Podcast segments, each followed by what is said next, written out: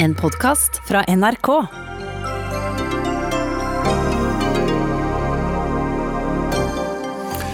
Over 280 milliarder kroner koster så langt hjelpetiltakene til næringsliv i koronakrisen. Men en sjeføkonom som kom til oss er bekymret for at jo slakere smittekurven er, jo brattere kan arbeidsledighetskurven bli. Regjeringens nye forskrift om å nekte hytteovernattinger får nå motstand både fra hyttekommunene som ikke vil ha gjester, og fra hyttefolk som vil være gjester. De borgerlige partiene svikter kulturlivet med krisepakkene, hevder Arbeiderpartiet og SV. De to partienes kritikk skyter over mål, svarer Høyre.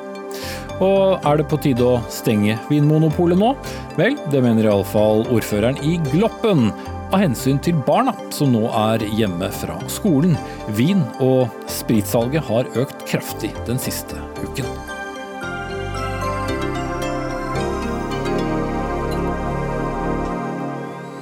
Ja, Da sier vi riktig god kveld og velkommen til ukens siste Dagsnytt 18 med Espen Aas. Og om litt skal vi også snakke om de to malariamedisinene som norske myndigheter nå tester ut på koronapasienter.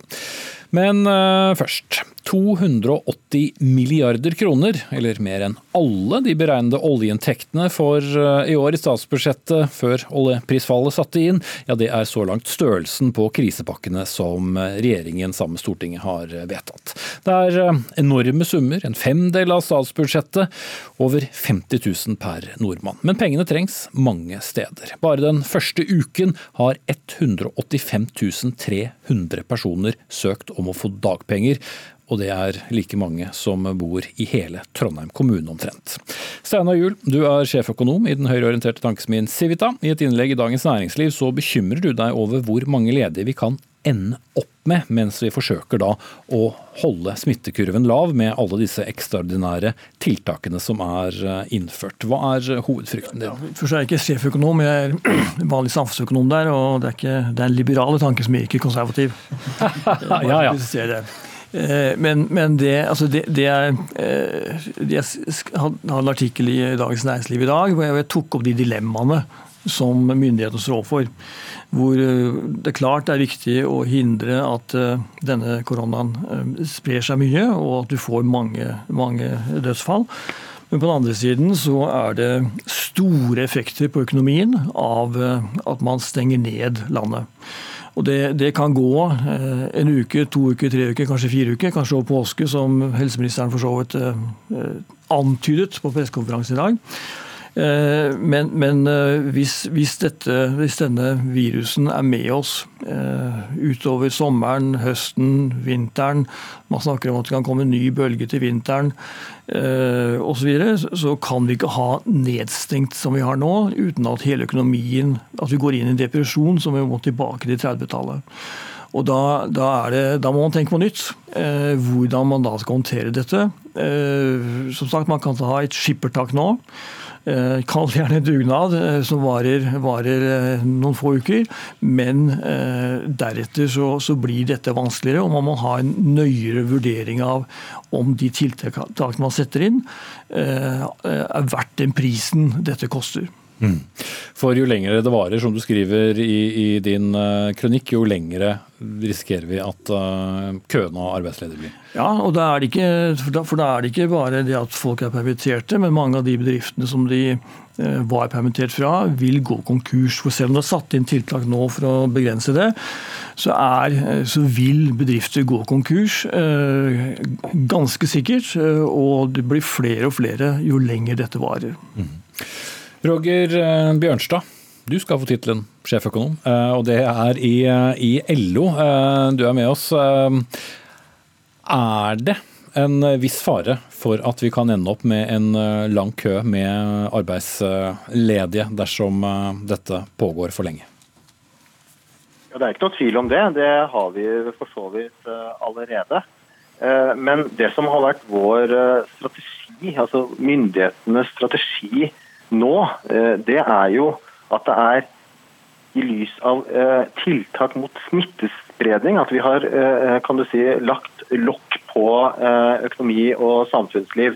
Og dermed har vi gått bedrifter og virksomheter gått til det skritt å permittere.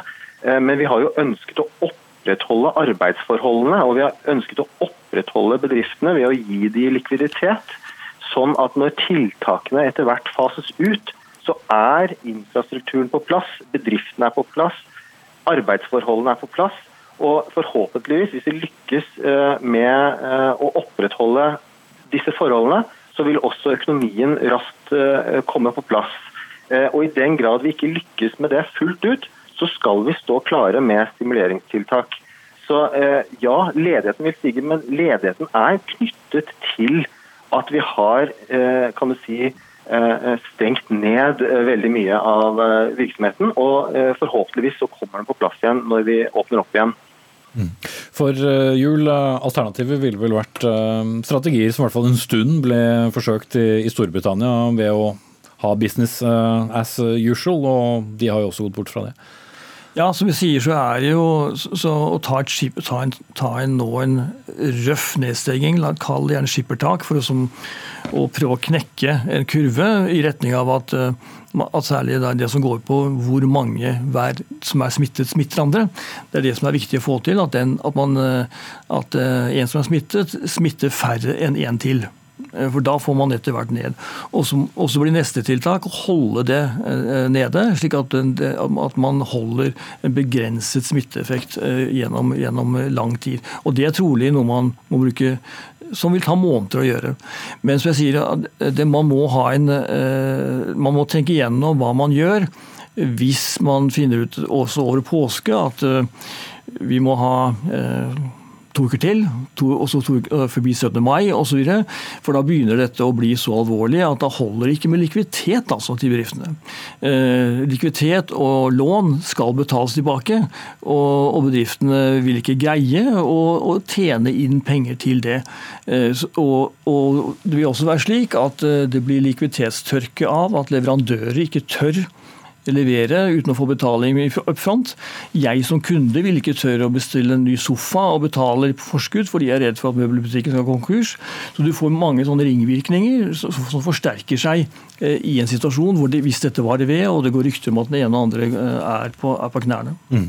Men varer ved, sier du, og skisserer først over påske som mot 17. mai. Altså, hva, hva tenker du er eh, et rimelig tidsrom å fortsatt kunne holde på disse tiltakene? Tiltakene. Vi skal spørre helseminister Høie litt senere om, om hva eh, de nærmeste scenarioene er. Men det er jo blitt sagt at en smittetopp eh, kan jo komme først til, til sommeren. Ja, og det, det, da tror jeg vi har et helt annet scenario eh, for økonomien. Eh, og da er det en veldig alvorlig eh, situasjon hvis man skal holde holde eh, økonomien så nedlåst. Eh, og Da bør man tenke gjennom litt alternativer og, og, og lære av f.eks. det Sør-Korea har gjort, som definitivt eh, var flinke til å skaffe seg mye testutstyr Eh, på forhånd, og har greid å spore opp og, og, isolere de tilfellene som har vært smittet på en gunstig måte, mens dagliglivet ellers går relativt eh, normalt i, i Sør-Korea. Mm. Eh, ja. ja eh, Bjørnstad, vi snakker altså både NHO og for så vidt Jul nevnte det også her, den høyeste ledigheten siden 1930-tallet, altså mer enn den vi hadde på, på 90-tallet etter børskrasjet og, og, og nedgangstidene, for de som husker det. Og foreløpig bruker vi altså litt over 52 000 per nordmann eh, av vår, eh, vår felles eh, pengebinge. Men Alternativet vil jo være at bedriftene går, går, konkurs og folk blir for alvor ledige. Men hva, hvor tenker du at smertegrensen går tidsmessig? Det er klart at Dette her er jo en avveining hvor, hvor smittespredning må veies opp mot samfunnskonsekvenser. og Jeg håper jo myndighetene tar gode avgjørelser på det. Eh, men vi må huske på at eh, ja, vi har et høyt ledighetstall. Eh, men de aller, aller, aller fleste av dem er jo permitterte. Det innebærer at de opprettholder arbeids, sitt arbeidsforhold til bedriften. Og så er det sånn som Jul sier, at jo lengre tid går, jo vanskeligere er det å fylle på den likviditeten som bedriftene trenger. Og, og opprettholde de arbeidsplassene og opprettholde den infrastrukturen som, som, som arbeidslivet faktisk er. Så, så, her er det en, en, avveining som må gjøres løpende. Mm. Bent Høie, helse- og omsorgsminister. Kanskje regjeringens mektigste mann nå, fordi du også da er den som eh, rår over tiltakene som eh, settes i gang for å begrense smitte, som jo også virker inn på, på økonomien. Og jeg hørte deg På pressekonferansen dere holdt i ettermiddag, så sa du at det kan hende at denne dugnaden, som eh, dere kaller det, kan bli lenger enn det vi ønsker. Men da kan det også fort bety en lengre ledighetskø? Ja, det er jo det som er så vanskelig med denne type tiltak. Fordi eh, det er jo sånn at de er veldig effektive i å bekjempe smitte mellom mennesker, men så har de veldig store negative konsekvenser. Det vet vi jo, de avveiningene gjøres jo. Men Norge har jo nettopp en smittevernlov som gjør at vi veldig raskt kan sette inn den type tiltak, fordi alternativet er så mye verre. Eh, og Det er jo den vurderingen som ligger til grunn. at eh, Skulle vi ha latt vært å gjort dette og fått en omfattende smittespredning i befolkningen, så ville jo eh, konsekvensene vært grusomme, og det ville vi jo ikke inn i. Og så er det jo sånn at Dette gjør ikke Norge alene. Det er jo sånn at når vi valgte å innføre dette 12.3, så var det ikke sånn at det var bare Norge som da plutselig fant på at nå skal vi gjøre dette. Dette var jo de europeiske smittevernmyndighetene som ga en felles anbefaling til alle land i Europa om å gjøre dette. Og Der ligger jo òg noe av effekten. Nemlig at de fleste land i Europa da gjorde disse tiltakene samtidig. Fordi Norge og Europa er tett sammenvevd. Og når da vi har store utbrudd, som i Italia og i Alpen i Østerrike, så ser vi jo hvor raskt det slår inn hos oss sjøl. Mm. Men hvis vi ser da på, på, lengre sikt, så vil jo da bedriftene, eller veldig mange bedrifter vil ikke ha inntekter, men de vil ha sine faste utgifter til husleie og andre ting som i veldig mange tilfeller ikke blir uh, borte. Så når vil regjeringen vurdere om uh, vi for alvor skal fortsette med, med, disse tiltakene? For det er jo flere enn en, en Steinar Juel som er uh, bekymret over lengden på dette. Ja, Det er vi jo alle sammen. Og nå I helgen så kommer Helsedirektoratet og Folkehelseinstituttet til å eh, gjøre ferdig en veldig stor jobb nettopp på den type vurderinger av, av behovet for tiltakene framover. Eh, som jeg sa på pressekonferansen i dag, så håper vi at vi tidlig neste uke kan si noe mer eh, om tiltakene òg utover 26.3. Men folk må, som jeg sa, være forberedt på at det blir tiltak òg etter 26.3. Mm. Men Tøye, du blir med oss eh, videre. Så skal jeg si takk til deg, samfunnsøkonom Steinar Juel fra Civita og sjeføkonom i LO, Roger Bjørnstad, som var med oss på telefonen. Dagsnytt 18 alle hverdager kl 18.00 på NRK P2 og NRK2.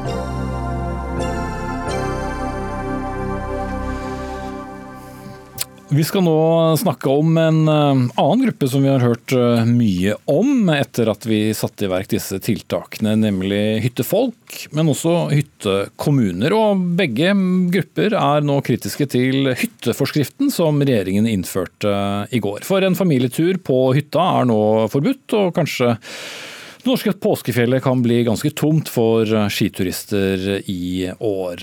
Helse- og omsorgsminister Bent Høie gjorde det klart i går at det nå er straffbart å oppholde seg på fritidseiendom som ikke ligger i hjemkommunen, Årsaken er selvsagt koronasmitte, eh, og dermed også eh, hver enkelt kommunes evne til å eh, håndtere det.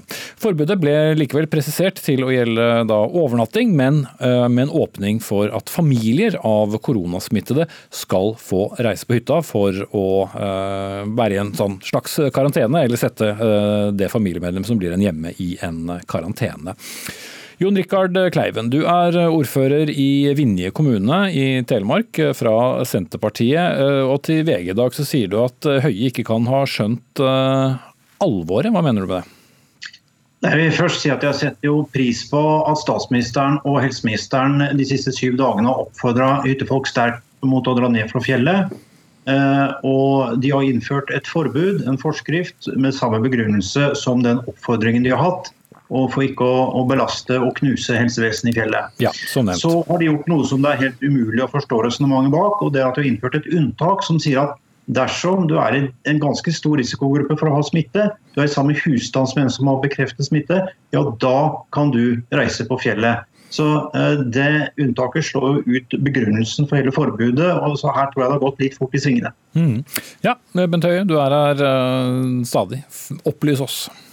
Ja, altså Unntaket er jo rett og slett eh, gjort fordi at uh, vi oppfatter at det kunne oppleves som ganske urimelig for uh, familier som har en som da har testa positivt, og som det er ganske strenge restriksjoner på hvordan vi skal klare å leve sammen i en hus eller leilighet for å unngå at resten av familien skal bli smitta. At ikke de da får muligheten til å bruke sin fritidseiendom for å kunne håndheve det på en enda mer bedre måte. Og Dette vil jo uansett ikke være snakk om et veldig stort antall per kommune. Og når hovedhensikten er å unngå en overbelastning på helsetjenesten i den kommunen, så mente vi at det var et eh, rimelig unntak. Og så har vi jo da vært veldig strenge på at vi ikke har eh, tatt andre unntak. Og det har ikke vært mangel på ideer på andre unntak. Men eh, det, er rett og slett, eh, det skal òg være mulig å håndtere dette og unngå at disse hyttekommunene f.eks. må forholde seg til dispensasjonssøknad og sånt, for det vil være helt umulig i denne situasjonen. Men rent praktisk, da, som, som Kleiven uh, sier, hvis en familie på la oss si uh, fire eller fem da, og, og, mor blir koronasmittet, og far tar med seg barna og reiser på uh, hytta si i Vinje, da, er ikke det en familie som ville ha en viss risiko for at de da blir syke på hytta? Er det ikke da bedre om de blir hjemme? Ja, Det er jo selvfølgelig en viss risiko for at de òg kan ha fått smitten og blir syke. Men summen av disse vil ikke være så mange at ikke en kan klare å håndtere det. Det er jo nettopp det som er hele poenget med dette forbudet. At det er summen av antall mennesker som var på hytta, som var en overbelastning for eh, hyttekommunen i denne situasjonen. Og Det var òg årsaken til at vi valgte først å advare litt og se på effekten. Og så ba vi alle fylkesmenn om å undersøke blant hyttekommunene, og da sa syv av ti fylkesmenn at det er fortsatt eh, bekymring for at det er for mange som har slått seg til på hyttene sine, og summen av det vil være for stor for hyttekommunen. Mm. Kleiven? Nei, altså dette er ikke greit. Eh, vi har veldig lang avstand til sykehus. Eh, det er to timer med landambulansen i en vei. Vi vet at luftambulansen sier at ikke de kommer. Hvis disse her blir dårligere på hytta, så risikerer at de slår ut en annen ambulanse i lang tid. Og de må nødvendigvis eh, få hjelp da av helsevesenet i Vinje. Eh, og det er også noe som Bent Høie ikke har tenkt på. Alle som oppholder seg i en kommune, har krav på helsetjenester i en kommune de oppholder seg i. Vi må da levere hjemmesykepleier i sikkerhetstid til disse hyttene, sånn som vi ofte gjør til vanlig. Da vil vi kunne få smitta vårt helsepersonell. Så dette er veldig vanskelig, og jeg lurer på også hvordan skal det håndheves. Eh, dette er en straffebestemmelse. De får et unntak pga. et grunnlag. Skal det dokumenteres, skal det sendes et varsel til Vinje kommune om at nå kommer disse. Eh, får vi en legeerklæring, eller hvordan er dette tenkt håndheves? Ja. For det første så er det sånn at uh, Din kommunes helsetjeneste er ikke sånn dimensjonert at den ikke tåler én ekstra familie fra eller til. Det er ikke det denne diskusjonen handler om. Eh, og du og din kommune må også være forberedt på at dere får personer i deres kommune som er smitta og behov for helsehjelp. Og Da må dere håndtere det sånn som andre kommuner gjør. Mm, men det, jo, de det, var, det var det første innvendingen hans. Eh, den andre innvendingen er nei. Eh, dette er jo en lov som gjelder, og det er ikke Vinje kommune som skal ha oppdrag i å kontrollere at folk følger denne loven. Dette er en lov som gjelder, og vi regner med at befolkningen i Norge er lovlydige. Og Er det sånn at det blir et spørsmål her for at det må gå inn og vurdere om folk har brutt loven, så vil jo da folk ha dokumentasjon på at de har en i familien som har eh, testa seg. Mm. Så de må ha med en eh, dokumentasjon? Altså dette er ikke en, det er ikke sånn at vi nå kommer til å sende politiet etter folk. Eh, ikke, men folk kommer til å respektere denne loven, og konsekvensen av det er at Vilje kommune vil klare i mye bedre grad å håndtere utfordringen som de står overfor, enn hvis vi ikke hadde hatt denne loven. Mm. Men det er ikke du like overbevist om? Utfordringen for helsetjenesten vår at de vil da ikke blir varslet om at vi har en risikogruppe der oppe. Vi har nå tre smitta, bekrefta smitta personer som sitter på en hytte på Rauland. De blir isolert der. De ble sendt opp av helsevesenet i Oslo, som visste de var smittet, og Vinje kommune fikk ikke beskjed. Ja, men eh, det er jo selvfølgelig sånn at en kommune ikke skal sende smitta innbyggere ut av kommunen sin. Så hvis det er en sann historie, så er det gjort en feil. Eh, og Det er ikke det dette er snakk om. og som sagt, Dere må jo ha en beredskap for å håndtere at dere får smitta personer i deres kommune. Det kan godt tenke at noen av de vil kunne være en familie som er i, eh, karantene fordi de har en smitta person hjemme. Men det er ikke det som er avgjørende for at ditt helsesystem bryter sammen eller ikke. Så jeg tror at her må egentlig vi på begge sider nå ta dette litt ned. Ta det med det det egentlig handler om.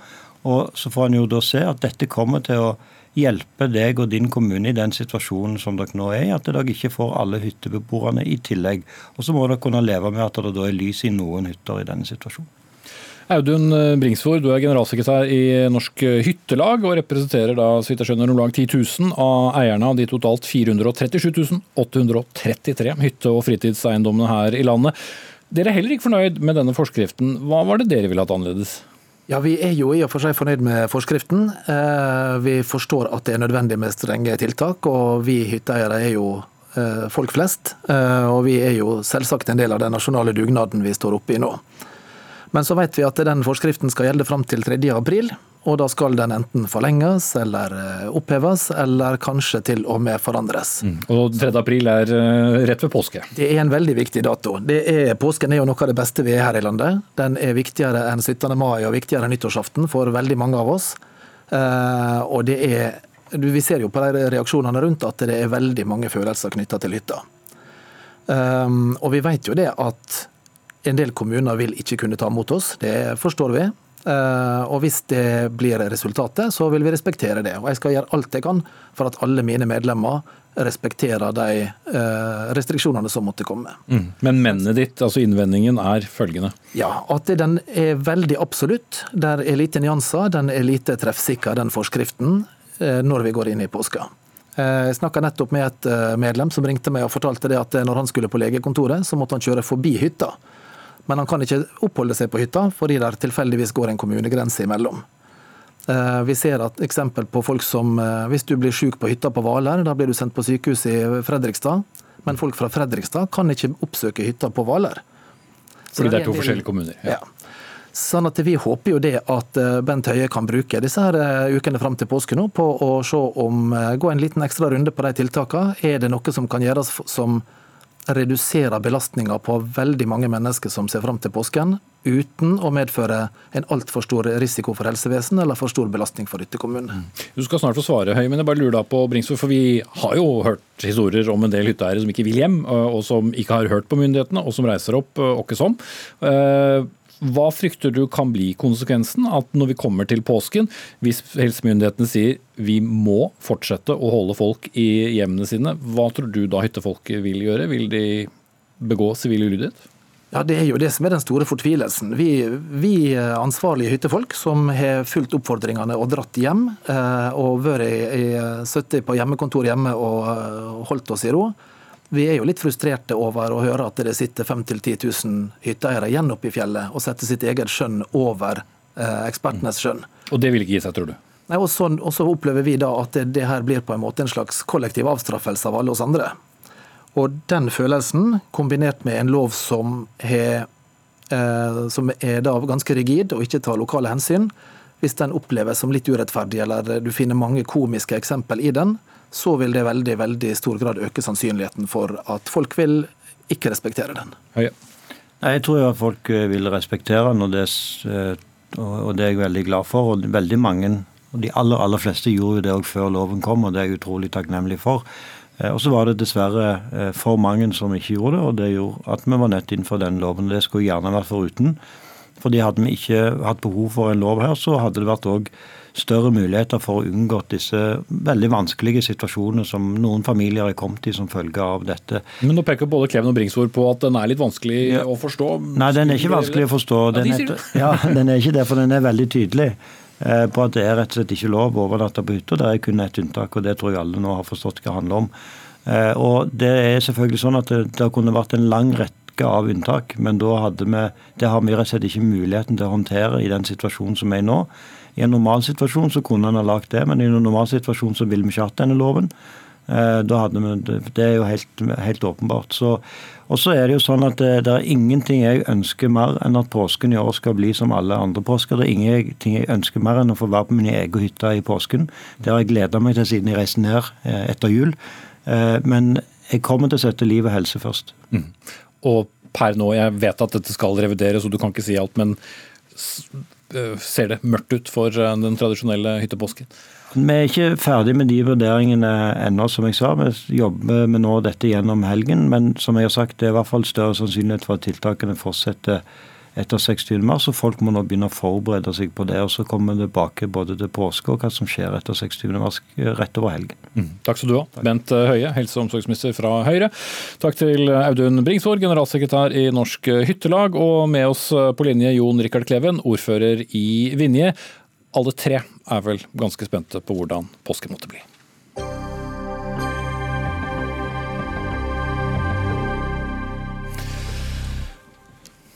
Ja, det er eh, mange tiltak som settes inn mange steder. Litt senere i sendingen skal vi snakke om eh, usikkerheten som nå er i mange norske kommuner om innholdet i Stortingets eh, krisepakker. Men først nå skal vi høre om noe som jeg tror veldig mange synes er veldig spennende. For kan det være så enkelt at malariamedisin kan fungere mot koronaviruset. Vel, forskere og leger ved Oslo universitetssykehus og flere andre av landets sykehus tester nå i alle fall denne typen medisin mot koronaviruset. Og Anna Margarita Dyrhol Riise, du er professor og overlege ved infeksjonsmedisinsk avdeling ved Oslo universitetssykehus. Du, vi så deg tidligere i dag på en pressekonferanse hvor du sammen med kolleger presenterte dette arbeidet.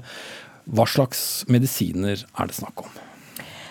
Ja, Det er snakk om medisiner som vi faktisk har. Eh, noe som heter hydroksyklorogin, Som faktisk brukes til behandling av malaria, altså mm. forebyggende for malaria. Og faktisk som behandling av revmatologisk sykdom. Så det er en egentlig billig og trygg medisin, men vi vet ikke hvordan denne fungerer på eh, covid-19. Derfor må denne testes ut. Men uh, hva er årsaken til at dere da velger å teste altså disse Dere har indikasjoner på at uh, de kan fungere på, på covid-19? Nå er dette et medikament sammen med en del andre medikamenter som har vist seg uh, i andre studier å fungere på covid-19-viruset. Eh, man har gjort flere studier fra Kina nå i denne forbindelse med denne pandemien, eh, der man ser lovende resultater. Eh, man har også gjort dette tidligere på såkalte MESH-sykdom, altså en annen type koronavirus. Og man har testet ut et medikament som vi også skal bruke på på ebola. Der viste det seg å ikke være så bra. Men alt i alt så har vi studier som tyder på at dette her kan fungere. Og hva slags testeforløp er det vi da ser for oss nå? For det er jo klart at når folk hører om dette, så blir de jo veldig utålmodige og vil gjerne ha resultater i går. Ja. Eh, vi er veldig glad for å kunne sette i gang disse studiene, fordi både vi som leger og naturligvis alle der ute ønsker at vi skal ha behandling. Men det er veldig viktig at vi gjør slike utprøvende behandlinger i studieprotokoller. Sånn at ikke all enhver bare starter opp. Vi vet fortsatt ikke hvordan disse medisinene vil fungere i, med, hos pasienter med covid-19-infeksjon. Eh, og det må vi testes ut. Vi må teste ut om de er trygge i denne sammenhengen, om de har effekt. Og Det er det vi nå gjør i denne store studien som inkluderer veldig mange sykehus i Norge. Så jeg vil jo si at man skal ikke bare begynne med disse medisinene, vi må gjøre dette på skikkelige måter. Ok, ja, Og det er kanskje ikke medisiner du nødvendigvis finner på ditt uh, nærmeste apotek og kan få uten uh, resept heller? Det er reseptbelagte medisin, og vi har også en, en annen uh, medisin som vi skal bruke, som heter Remdesivir, som ikke finnes tilgjengelig. Den ble testet ut på ebola og viste seg ikke være så bra. Og det er sånn som nå bestilles inn av Verdens helseorganisasjon, slik at vi må få denne medisinen fra de. Mm. Slik at Dette er ikke noe man bare kan gå og kjøpe eller få tak i, og man bør heller ikke gjøre det. Vi gir dette Dersom man skulle ha det i skapet ja. av andre grunner, så ja. ikke test ut det nå? Nei, det er ikke noe. Dette gir vi til pasienter som skal legges inn på sykehus, og vi gjør dette i veldig kontrollerte såkalte protokoller der vi vet akkurat hva vi gjør, og vi måler forskjellige ting. Mm. Og Tilbake til spørsmålet i sted. Tidsforløpet, da? Når vi har svaret? Det vet vi ikke ennå. Vi eh, beregner for, og vi har medikamenter nå eh, på hydroksyklorokin for å eh, inkludere 500 personer i en studie, pasienter. Og igjen pasienter som legges rundt på, på landets sykehus. Så får vi se når svaret kommer. Mm. Så vi må være forberedt også på at det kan være dårlige nyheter? Det må vi, men det vi gjør er at vi eh, registrerer alle disse dataene inn i en database hos WHO. Og det er mange andre land som gjør akkurat den samme studien. Så i det øyeblikket noen ser at dette her fungerer best i en av disse to medikamentene, så vil alle andre få beskjed om dette her. Mm. Så, da, da, kan det være medikamenter man kan ta for å ikke få viruset, men også kanskje medikamenter man kan bruke dersom man har fått eh, viruset i seg. Ja, nå i første omgang, veldig mange, de aller fleste der ute vil jo ikke bli så veldig syke. Dette her er pasienter som legges inn og har pusteproblemer. Eh, Og det er de pasientene vi ønsker å komme raskt i gang med behandling og hindre at de kommer på intensivavdelinger og blir sykere. Så i første omgang er dette behandling for eh, syke pasienter som legges inn på sykehus. Espen Rostrup eh, Nakstad, som vel eh, alle i dette landet vet, så er du fungerende assisterende helsedirektør. Eh, Hvor lovende eh, mener Helsetilsynet at disse innledende testene kan være? Nei, jeg må si at dette er veldig gode nyheter at man kan gjøre denne type protokollbaserte studier så tidlig i Norge. Det er jo en spennende tanke at eh, to eksisterende medikamenter, hvorav det ene da styrker cellenes motstandskraft, og det andre kan hemme dannelsen av virus, at man da tenker det er brukt eh, på denne pasientgruppen. Jeg syns det er fint at man gjør det. Veldig nyttig. eh, Og jeg tror man relativt fort, når man kommer opp et visst antall pasienter, vil kunne se om det har noe for seg eller ikke. Og så blir jo da et naturlig oppfølgingsspørsmål har vi mye av disse medisinene? Det ble som det var omført her, at den ene er i bruk i Norge og er reseptbelagt, mens eh, Remedesvir det var jo en medisin utviklet opprinnelig for ebola som ikke er hyllevare rundt omkring, så, som må anskaffes. da. Så det kan jo ta noe tid, men, eh, men eh, hvor lang tid, det kan ikke jeg svare på. Jeg kan jo kommentere at Når det gjelder remdesivir, så har, eh, så har da WHO kjøpt inn alt som finnes fra firmaer som produserer det.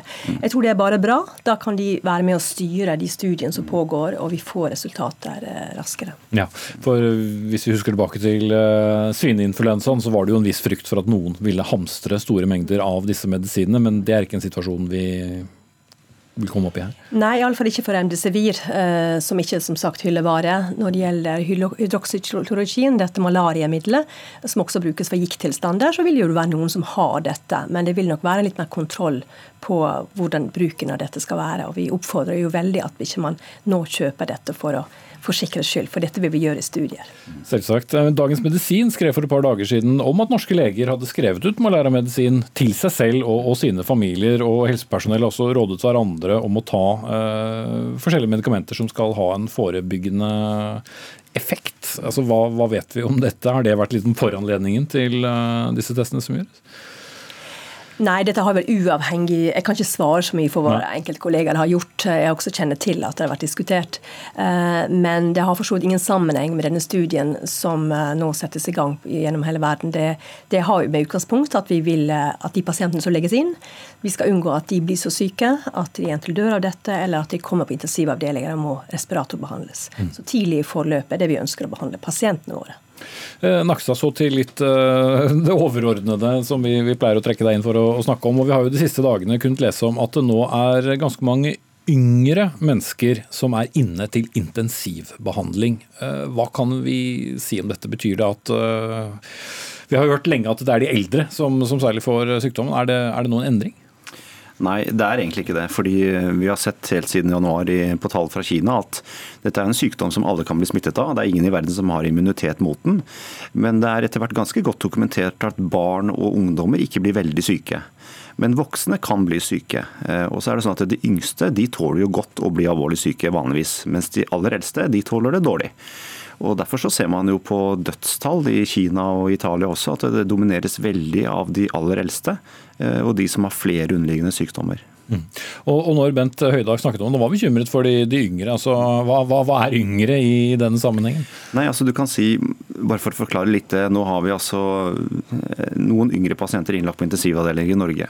Det er nok fordi at de som har blitt smittet de første ukene, eller som er registrert smittet de første ukene i Norge, er hovedsakelig eh, de som har vært på vinterferie i Alpene og stått på ski.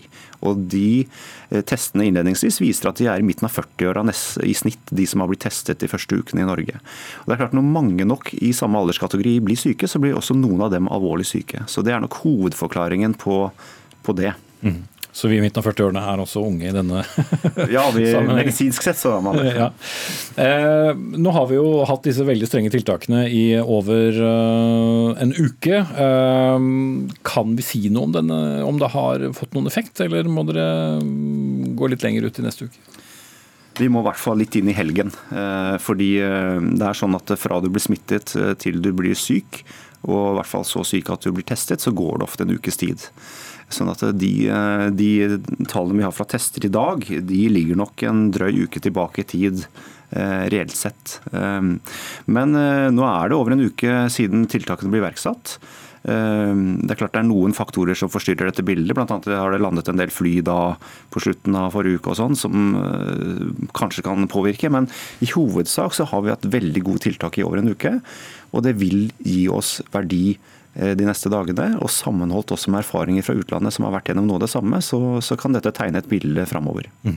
Mange har vært eh, inne eh, en drøy uke da, åpenbart pga. disse tiltakene. En god del unge. Vi hører og ser, vi som er litt ute også, at det er ikke alle som, som holder seg inne. Vi går inn i en helg. Mm. Har du en liten pekefinger til ungdommer som nå har klirrende plastposer? Ja, nei, Vi har registrert eh, det du sier, at eh, særlig ungdommer kanskje tenderer til å ha litt mindre avstand enn alle andre. Men det er veldig viktig nå, når vi altså innfører så strenge tiltak som har så store konsekvenser for samfunnet, at det blir gjort skikkelig. Mm. Eh, så skal vi oppnå målsettingen om å redusere smitte mest mulig, sånn at vi kommer i en situasjon hvor vi til enhver tid har så få syke personer som mulig i Norge med dette viruset, så må alle gjøre sitt og de aller fleste gjør det veldig bra, men, men vi må heve pekefingeren litt og si at vi må stå på nå fortsatt. Vi er ikke ferdig. Mm. Dere får heller eh, skåle over eh, video, dere som hadde planer om å samles.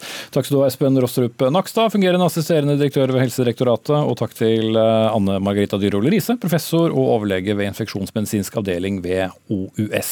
Og så er det sånn at Vi i NRK vi samler mye informasjon gjennom dagen. Hvis du har spørsmål rundt koronaviruset, så går det an å gå inn på nrk.no svarer og stille spørsmål der. Så kan nok hende du kan få svar, i alle fall på noe.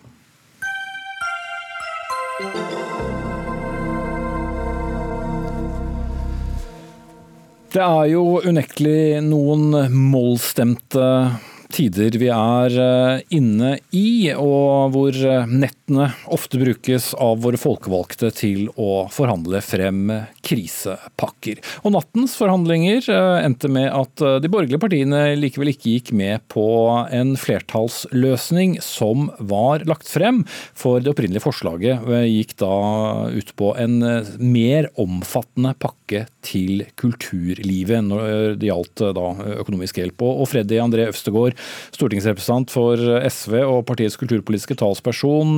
Du har gått så langt som å si at regjeringspartiene sammen med Fremskrittspartiet har latt kulturlivet i stikken i siste liten. Hva ligger bak disse ordene?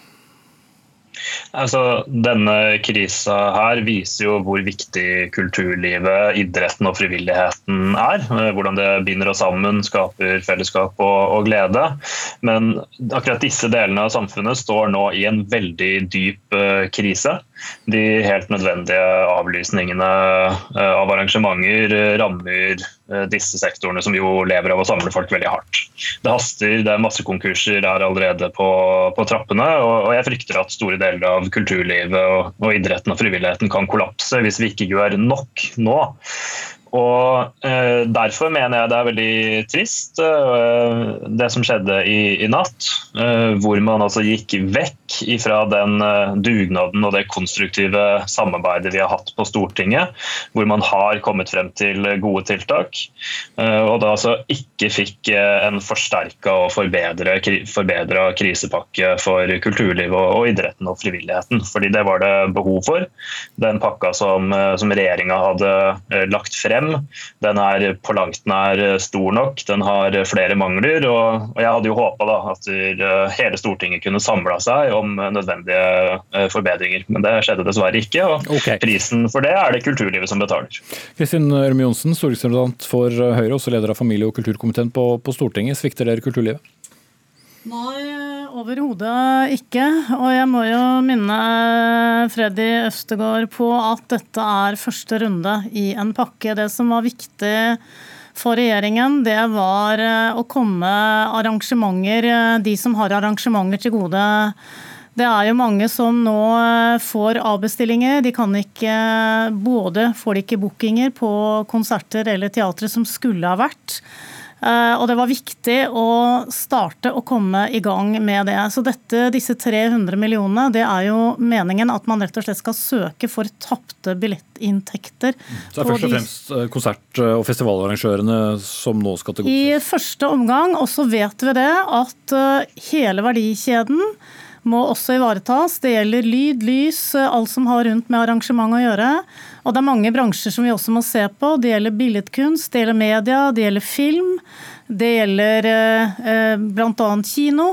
Vi har gjort en del lettelser både på arbeidssiden og arbeidsgiversiden. Så frilansere har vi ivaretatt. Vi har ivaretatt enkeltmannsforetak. Det er jo kulturlivet som eh, består eh, av det. Og vi har også gitt lettelser for små aksjeselskap, som eh, mange har. Bl.a. med at man ikke nå må betale arbeidsgiveravgift, lettelse på moms, lettelse på innbetalinger. Vi vet at april er en fæl måned for mange bedrifter, fordi at da er det mange skatter og avgifter som skal innbetales. Det er det lettelser i nå. Så jeg kan iallfall forsikre om at vi er veldig opptatt av kulturlivet. Vi eh, skal ikke ha en situasjon hvor vi må vente flere år for at vi får et kulturliv opp og gå. Men dette er eh, første runde i en eh, kjede hvor det kommer mer. Ok, og, og Øvstegård, eh, Det er jo en del av disse helt vanlige økonomiske tiltakene som, som, gjelder eh, alle som nå sliter, som jo unektelig også vil innbefatte en del kultur, eh, eller folk som jobber i, i kulturlivet. Men, men dere vil ha mer? Ja, Vi er glad for de tiltakene, og det er absolutt en, en, god start. Men problemet med å vente til nye runder og ikke gripe muligheten nå, er jo at dette haster virkelig. Og Hvis du spør feltet, f.eks. Virke, som organiserer flere av disse bedriftene, så er de helt tydelige på at de 300 millionene som kulturlivet får, det er ikke i nærheten av å dekke en gang de tapene som skjer nå i mars og april. Så her hadde det vært veldig fint om eh, hele Stortinget kunne samla seg om noen forbedringer. Og Dette med hele verdikjeden er også veldig viktig, fordi nå har det kommet en eh, krisepakke som altså kun gjelder selve arrangørene, mens det jo sitter massevis av eh, sceneteknikere, artister, andre opptakstakere rundt omkring. og ikke vil få kompensasjon med denne pakka. Det skulle vi ha gjort noe med, men det fikk vi ikke gjort. Johnsen. Ja, jeg er opptatt av at uh, dette er første runde. Vi må ha målrettede tiltak. Uh, og vi kan heller ikke gjøre dette til en uh, konkurranse om å bevilge mest penger. Vi er nødt til å se at de tiltakene vi gjør, at de er riktige. Det er mange andre som trenger. Jeg nevnte bl.a. bildekunstnere, jeg nevnte film, jeg nevnte media.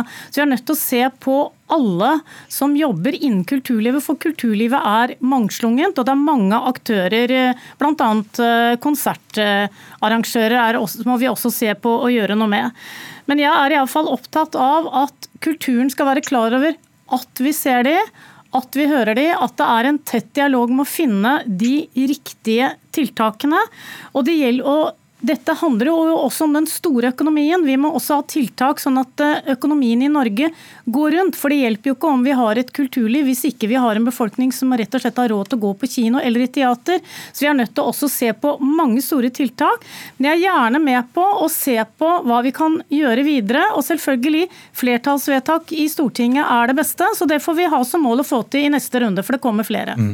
Ja, Øvstegård, opplever du at du nå knirker litt mer i, i forholdet mellom opposisjon opposisjon eh, og, og regjering? Ja, vi starta denne uka med stor eh, samstemthet. Uh, viste frem noe av det beste med norsk politikk, nemlig at vi kan eh, trekke sammen når det virkelig gjelder. Men så har vi nå da også opplevd at regjeringen og Frp velger å kjøre solo i stedet. Og Det får vi bare registrere. Jeg syns det er synd, men det er verst for de aktørene i kulturlivet som nå ikke blei inkludert. Og det haster skikkelig. Det står konkurser for døra allerede. Et annet problem problem eh, vi er nødt til å løse opp i, som ikke ble gjort nå, er jo at denne ordningen også kun gjelder eh, de aktørene som ikke mottar, over, altså som ikke mottar eh, støtte fra det offentlige, og at det utgjør halvparten av, av inntektene deres. Det er ja, veldig mange aktører de, som eh, kommer til å som, som, kommer til å få store problemer pga. Eh, problemer eh, akkurat der. Så her skulle opposisjonen og regjeringen kommet mm. sammen om bedre tiltak. Kort til slutt, Rune Ja, nå var det jo sånn at uh, Opposisjonen gikk jo også sammen uten å sette seg ned sammen med hele posisjonen i første runde. Da. Sånn at uh, man er ikke alene om å ikke gå sammen alle sammen. Så det er vel kanskje noe å, at vi må lære alle. Men jeg er iallfall opptatt av at meldingen er fra, fra Høyre. Vi ser kulturlivet, vi ønsker å bidra og hjelpe til. Dette er første runde, vi kommer tilbake. Ok, Da setter vi strek. Vi vet, i hvert fall at det er mange i kulturlivet som, som, følger nøye med på hva som skjer videre. Takk til Kristin Ørmen Johnsen, stortingsrepresentant for Høyre, og Freddy Øvstegård, stortingsrepresentant fra SV. Dagsnytt 18 når du vil. Radio NRK Radio.nrk.no.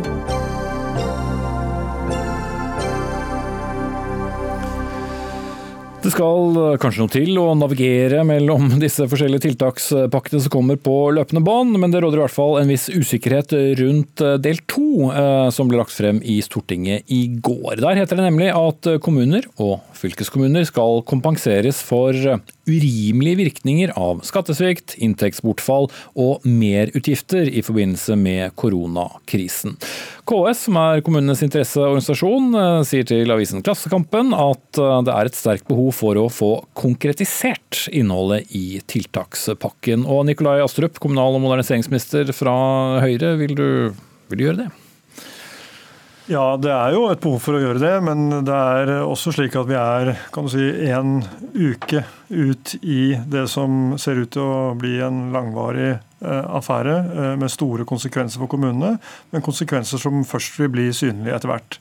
Eh, og nå er ikke kommunene heldigvis i noen akutt likviditetsskvis fordi det er tidlig på året, eh, men vi har likevel allerede bevilget en kvart milliard eh, som fordeles via fylkesmennene til de kommunene som allerede nå ser at er, er en presset situasjon pga. koronaviruset. Mm. Så det er ikke en blank sjekk som de kan fylle ut beløpet på, denne garantien om kompensasjon? Det er, det er egentlig en refleksjon over to ting. Det ene er jo at det er ikke en blank sjekk, men det er heller også, det er heller ikke sånn at vi har full oversikt over hvilke konsekvenser dette kommer til å få for kommunene. Eh, regjeringen eh, skal selvsagt bidra til at eh, kommunene er i stand til å levere gode tjenester til innbyggerne, både altså nå, men også etter at denne krisen er over. Eh, og vi kan forvente at det blir en betydelig skattesvikt i 2020, rett og slett fordi næringslivet nå har stoppet opp. Eh, det er det grunn til å bekymre seg over. Samtidig er det mange andre konsekvenser. Økte utgifter til helse og omsorg, selvfølgelig. Eh, renhold. Det er svikt i kollektivtrafikken når det kommer til billettinntekter.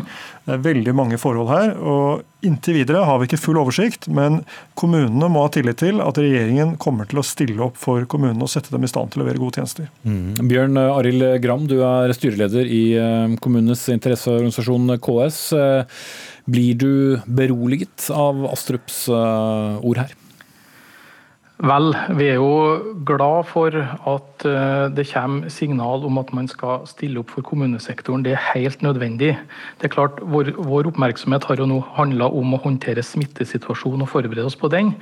Men eh, det blir òg etter hvert spørsmål om de økonomiske rammene. Og det er veldig viktig at kommunesektoren eh, har tydelig beskjed om at staten vil kompensere for merkostnader og ikke minst inntektsbortfall.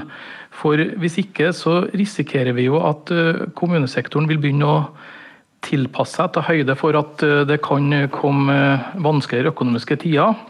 Og at man da begynner å gjøre innstramminger i sine innkjøp, investeringer osv. Det vil jo i tilfelle forsterke de nedgangstidene vi, vi, vi, prøver å motvirke. Så vi ønsker oss tydelig kommunikasjon rundt det her, absolutt. Mm. Men uh, det skal vel noe til å få noen garantier på, for bortfall av inntekter som ingen aner størrelsen på? Eh, ja, Vi vet jo ikke eh, omfanget av både økte kostnader og inntektsbortfall. Det blir betydelig. Men det er veldig viktig at det sendes ut signal om at skal vi si det, det økonomiske opplegget som er skissert i statsbudsjettet for 2020, eh, kan stå seg. Eh, hvis ikke så risikerer vi som sagt at man kan begynne å tilpasse dette her, og, og det vil gi uheldige virkninger i den situasjonen vi står i. Mm. Ja, Som nevnt, eh, Astrup, over 180 000 har nå søkt om, om, dagpenger. Det er mye skatt som vil utebli. Offentlige utgifter øker. Hvis du hadde sittet og styrt en kommune, ville du kanskje vært urolig for om du kunne holde alle barnehager eh, åpne, sykehjem og alle de kommunale oppgavene. Eh, men, men hva, hva, kan du egentlig si? Jeg hadde definitivt vært det, og jeg har stor forståelse for at kommunene er bekymret for situasjonen. Det er vi alle. Og det gjelder jo ikke bare kommunene, det er også mange statlige virksomheter. Eh, Nav er jo blant dem, som har store utfordringer i disse dager. Fordi de er jo ikke satt opp for å håndtere den type situasjon vi er i nå. Og det At vi ikke er satt opp for det, eh, og det kan vi jo heller ikke være, for dette er en ekstremsituasjon, det betyr at eh, det å få oversikt over alle konsekvenser så tidlig i en sånn krisesituasjon som vi står i, det er veldig vanskelig. Derfor har det vært viktig for meg å signalisere både til KS og til kommunene eh, at regjeringen kommer til å stille opp for kommunene. Og Vi har startet allerede med en kvart milliard. Det er selvfølgelig lite penger i den store sammenheng. Men vi har også sagt at vi kommer til å garantere for inntektsbortfall knyttet til barnehager og eh, SFO, som nå holdes stengt, og foreldrebetalingen holdes tilbake. Eh, og det kommer til å komme mer. Eh, men det er vanskelig nå å garantere krone for krone for noe vi ikke ser totaloversikten over. Men Så de kan på en måte regne med å ta noen tap? Nei, det jeg tror nok hele det norske samfunnet. Fordi vi snakker om at staten må stille opp. Hvem er staten? Jo, det er jo vi, det. Det er fellesskapet. Hele det norske samfunnet kommer til å måtte ta noen tap som følge av dette. Det er det ingen tvil om. Eh, men kommunene leverer altså noen av de tjenestene som er aller viktigst for folk i eh, hverdagslivene våre. Og da må vi sørge for, og med vi som mener regjeringen, at kommunene økonomisk er i stand til å gjøre det, også etter denne krisen. Og det skal Bjørn Arild Gram være trygg på. Og jeg mener at vi har en veldig god dialog med KS. Vi hadde senest møte med KS og storbyene i dag morges, eh, hvor vi gjennomgikk situasjonen i de ulike kommunene. og vi er veldig tydelige på at vi kommer til å stille opp. Mm. Ja, eh, Gram, dere har jo også hatt telefonkonferanse med fylkeslederne deres. Eh, hva er tilbakemeldingene nå, en, en drøy uke inn i, i denne situasjonen? Ja, Fortsatt så går jo de meste diskusjonene på den helt konkrete håndteringa for å forberede seg på den smittesituasjonen som er under utvikling, og mye praktiske spørsmål knytta til det. Men vi merker et økende bekymring for kommuneøkonomien. og det er klart Når ordet kompenserer for urimelig inntektsbortfall og skattesvikt, så blir det litt diffust. Jeg mener det hadde vært det hadde ikke vært for mye forlangt nå at man sa fra regjering og storting at man ville kompensere for her inntektsbortfallet. Det, det, er snakk om svært store beløp. Astrup var jo inne på Nav nå, det er vi jo felles om, stat og kommune, eh, som er veldig pressa nå eh, med permitteringer, håndtering av sosialhjelp på forskjellig. Eh, vi, vi, har jo sagt fra KS en del at vi ikke ønsker, vi ser det ikke som hensiktsmessig at kommunesektoren nå skal begynne å permittere folk i den situasjonen vi står i. og det, Da hjelper det jo den avklaringa vi fikk på, på, barnehage og SFO. Men det er jo også mange andre sektorer som er berørt. og da har det vært gunstig å fått uh, forsikringer om at uh, sånne grep ikke er nødvendig. Mm.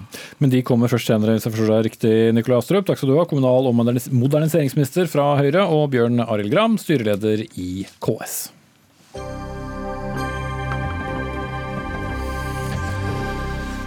Bare ta med nyheter som kommer inn under sending her nå. Det er registrert 627 dødsfall i Italia bare i løpet av det siste døgnet, og er så langt det høyeste antall døde der. Det gjaldt altså Italia.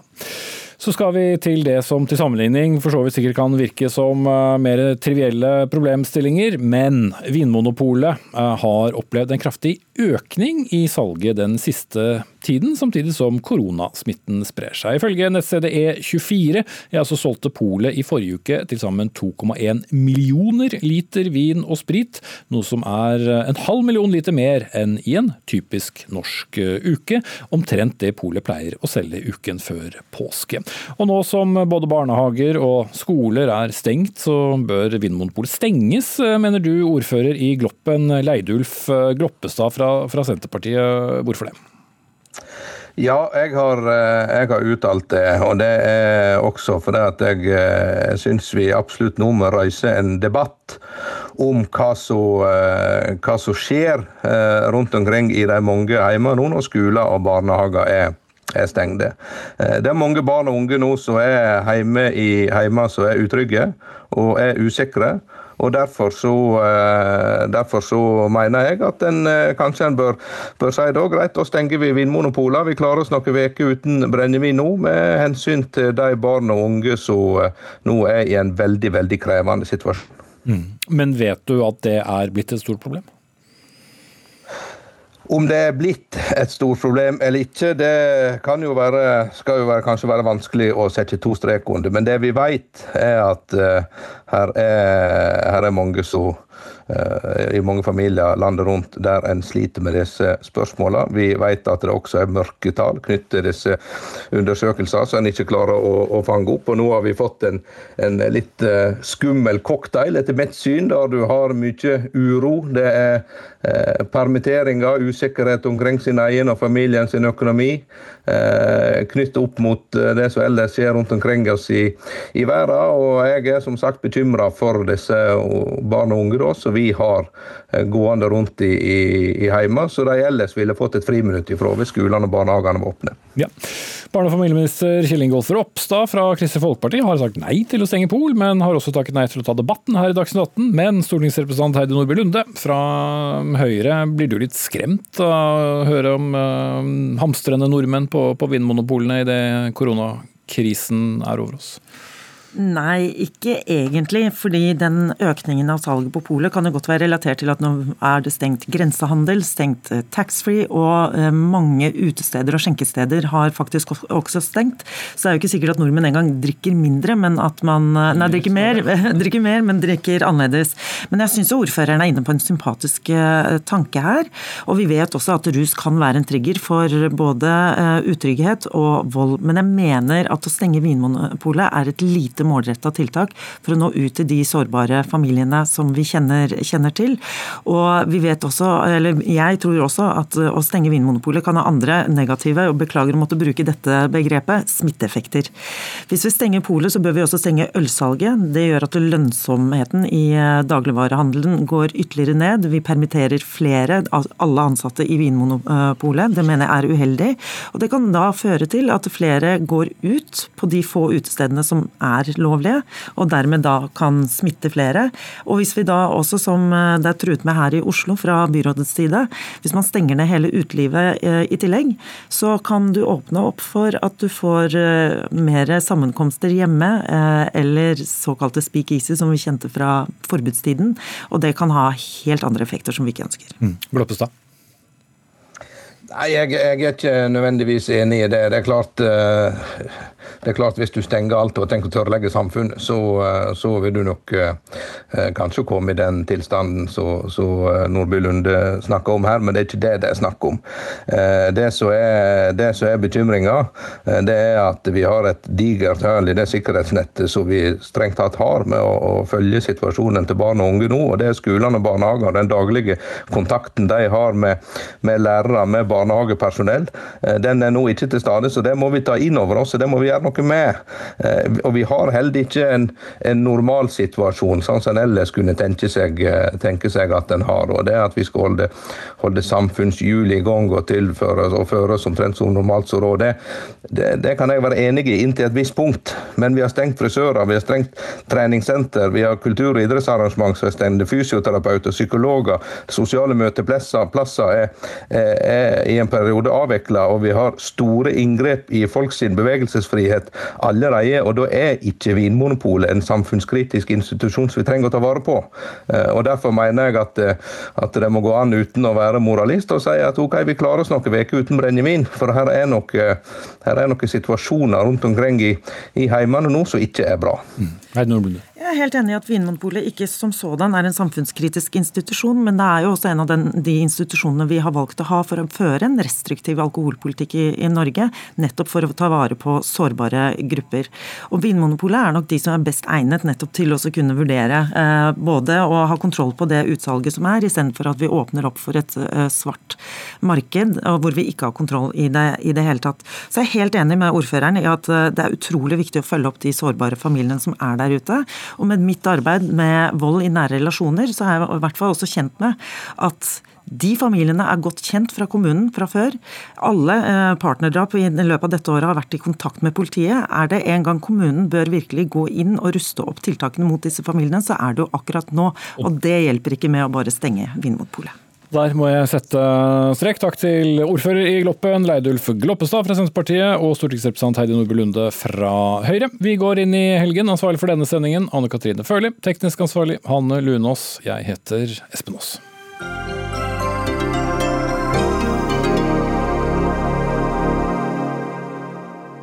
Du har hørt en podkast fra NRK. Hør flere podkaster og din NRK-kanal i appen NRK Radio.